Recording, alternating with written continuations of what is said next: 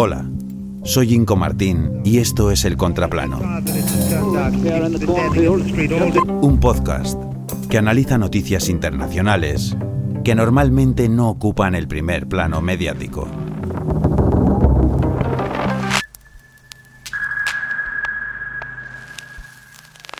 Criptominería.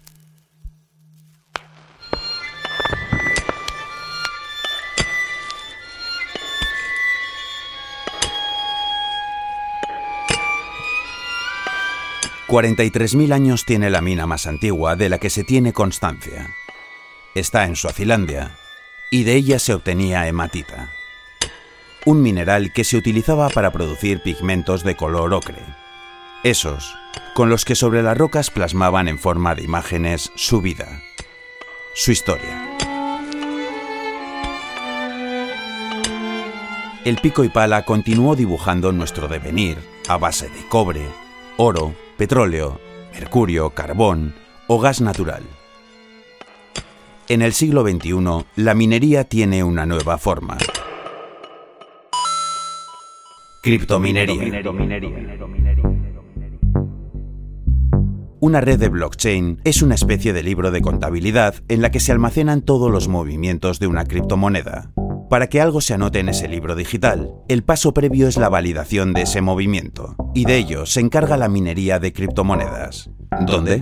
En granjas de minería, almacenes con potentes equipos informáticos, que además de ese proceso de validación, no paran de generar nuevo cash digital. Criptomonedas. Criptomonedas. ¿De qué bebe esa maquinaria? De electricidad y agua en cantidades ingentes, de carbón y gas natural entre otros recursos fósiles, de exprimir la minería ya conocida, y con efectos también ya conocidos. El precio. Nuestro planeta. Según diversos estudios científicos, la criptominería contamina más que la ganadería vacuna mundial, y su consumo de electricidad está por encima del de países como Austria, Portugal o Finlandia. En el 2021, China acaparaba el 44% de criptominería mundial, y tras prohibirla, esta emigró a la búsqueda de fuentes de energía a bajo coste. Kazajistán, Rusia, Canadá, con Estados Unidos como destino FETEN, 35% de la producción mundial.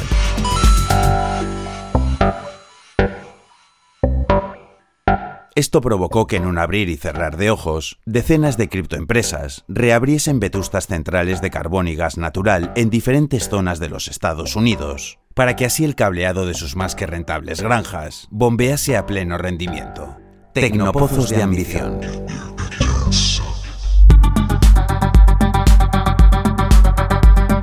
Los suelos de Kentucky, Georgia o Texas son los preferidos para nutrir a la máquina, consecuencia de sus bajas tarifas energéticas y de demenciales ventajas fiscales. Según un reciente artículo de The New York Times, en Texas, la granja de minería de la empresa Riot Platforms, la más grande de los Estados Unidos, consume la misma energía que 300.000 hogares, y la factura de la luz ha subido en todo el estado hasta un 8%. ¿Quién paga? Los bolsillos de la gente y el medio ambiente.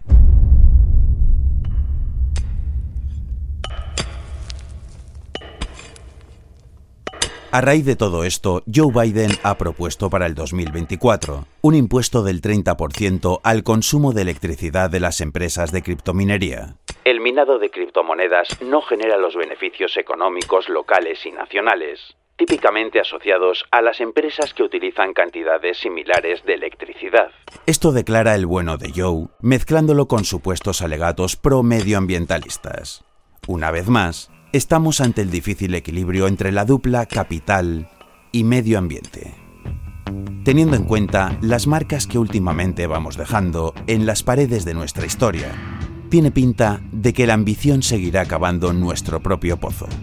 Una pena que con la minería digital no podamos sacar ningún tinte para plasmar en las rocas el avance de nuestra historia. ¿Quién sabe?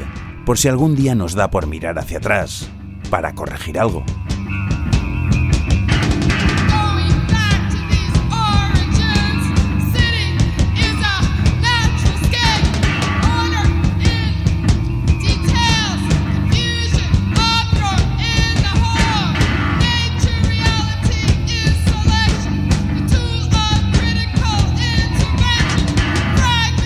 Locución y montaje sonoro Inco Martín. Música Sebastian Chenut. Love Lovers. Sonic Youth. Making the Nature Thing.